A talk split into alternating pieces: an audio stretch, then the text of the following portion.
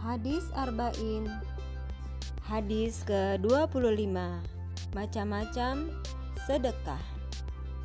Dari Abu Zar radhiyallahu an menerangkan bahwa sebagian sahabat Rasulullah Shallallahu alaihi wasallam berkata kepada beliau, "Wahai Rasulullah, orang-orang kaya telah pergi dengan membawa pahala yang banyak mereka mengerjakan sholat seperti yang kami kerjakan.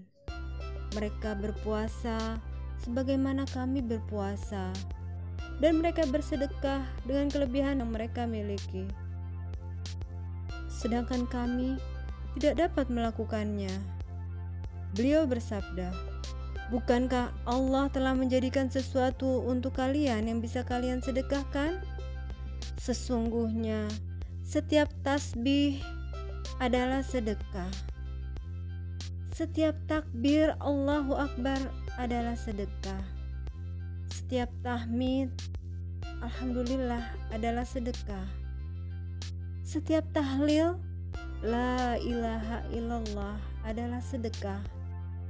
Menyeru kepada kebaikan adalah sedekah. Mencegah dari yang mungkar adalah sedekah, dan berhubungan badan dengan istri juga sedekah. Lalu mereka bertanya, "Wahai Rasulullah, apakah jika di antara kami menyalurkan hasrat biologisnya kepada istrinya juga mendapat pahala?"